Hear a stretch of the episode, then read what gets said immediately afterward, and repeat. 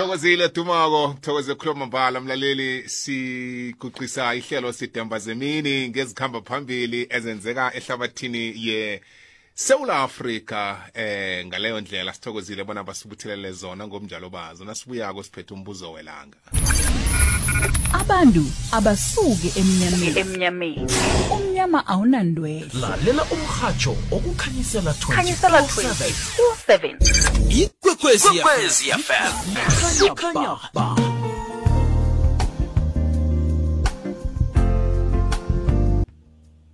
ya. Ncebeze mlaleli ngiyazibona khule and gang ngiyayithanda kodwa-ke asibambe umfundisi upj hlumbane sibone ukuthi siyamfumana na. Mfundisi lotshani?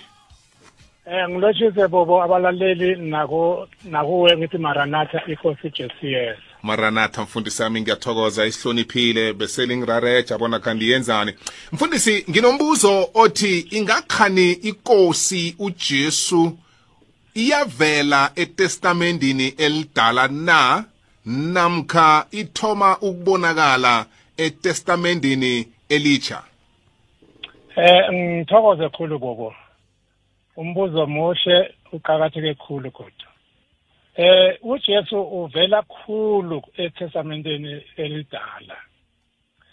Okuthoma le kuMoses uJesu uyavela. Kodwana uvela njengemvana ehlatshwayo ukuthi abantu babalele bababalelwe izono zabo.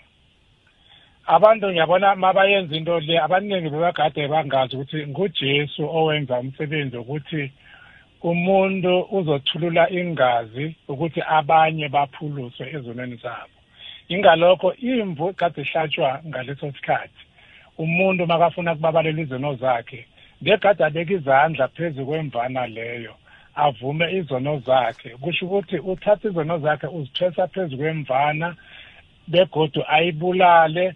Umpriest athathe ingazi ezo ayombabalela ay- ayo ayomcelela ukuthi aba- abatshalele. Ngalokho ibigade ijamele ujesu iveza ujesu.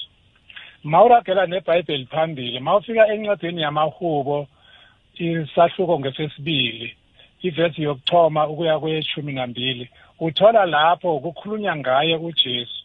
Kukhulunywa ngojesu lokhu abethelwa esiphambanweni kukhulunywa ngezinto ujesu azozenza.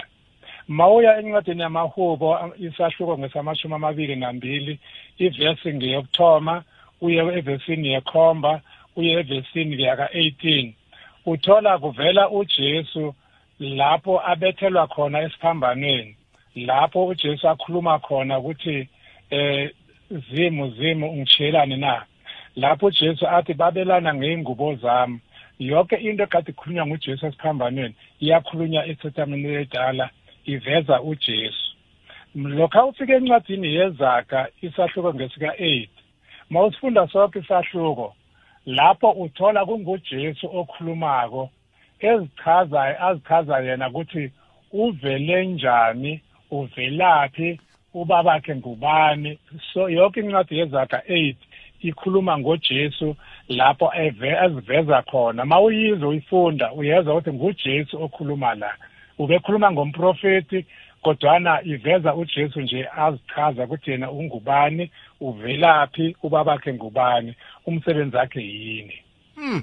Ngamanye amagama akathomi ukuvela etestamentini elitsha. Etestamentini elidala uyavela uvela eh ngokwesika esihlukileko nesenzo esihlukileko begodu kuvela nokuhlathululwa kwakhe ngokokuhloleka kwabaprofiti nembongi ezikhona ngoba amahubo eh incwadi oyitshoko le yesibili lihubo likaDavida lelo.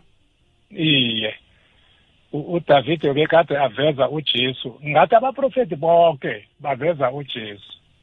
Yingalokho uJesu makakhulunywa ngokubethela kwakhe begade bakwazi abantu bonke. Ukufa kwakhe begade bakwazi kodwa iTestament elisha belingekho ngaleso sikhathi. iTestament elisha libe khona uJesu sekana 300 years wakhamba emhlabeni. Kwakhona kuvela iTestament elisha. Yonke into yokubelethwa kaJesu yokuhlaga kwakhe yokubulawa kwakhe yokubulungwa kwakhe nokuvuka kwakhe kusetestamente elidala. Hmm.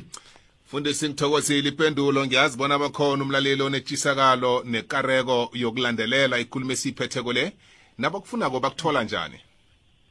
Eh ithi 079 289 1685 ngibulele ngibuyelele kodwa 079 289 1685 ngithokoze bobo. Mfundisi ngithokozile. Banemini emnandi? Ngithokoze nabalaleli babe nemini emnandi. M- maranatha mfundisi. Inkosi yeza. Nkosi yeza. Ngithokoze bobo. Iz- iz- iza kufika mfundisi iza kufika iza kufika nakunowa basho njalo bathi hey kade kuthiwa izulu liyeza alifiki. Laze lafika. Kube nemini emnandi mfundisi upj ihlumbane hlanganiswa ngumichael wakho jackson.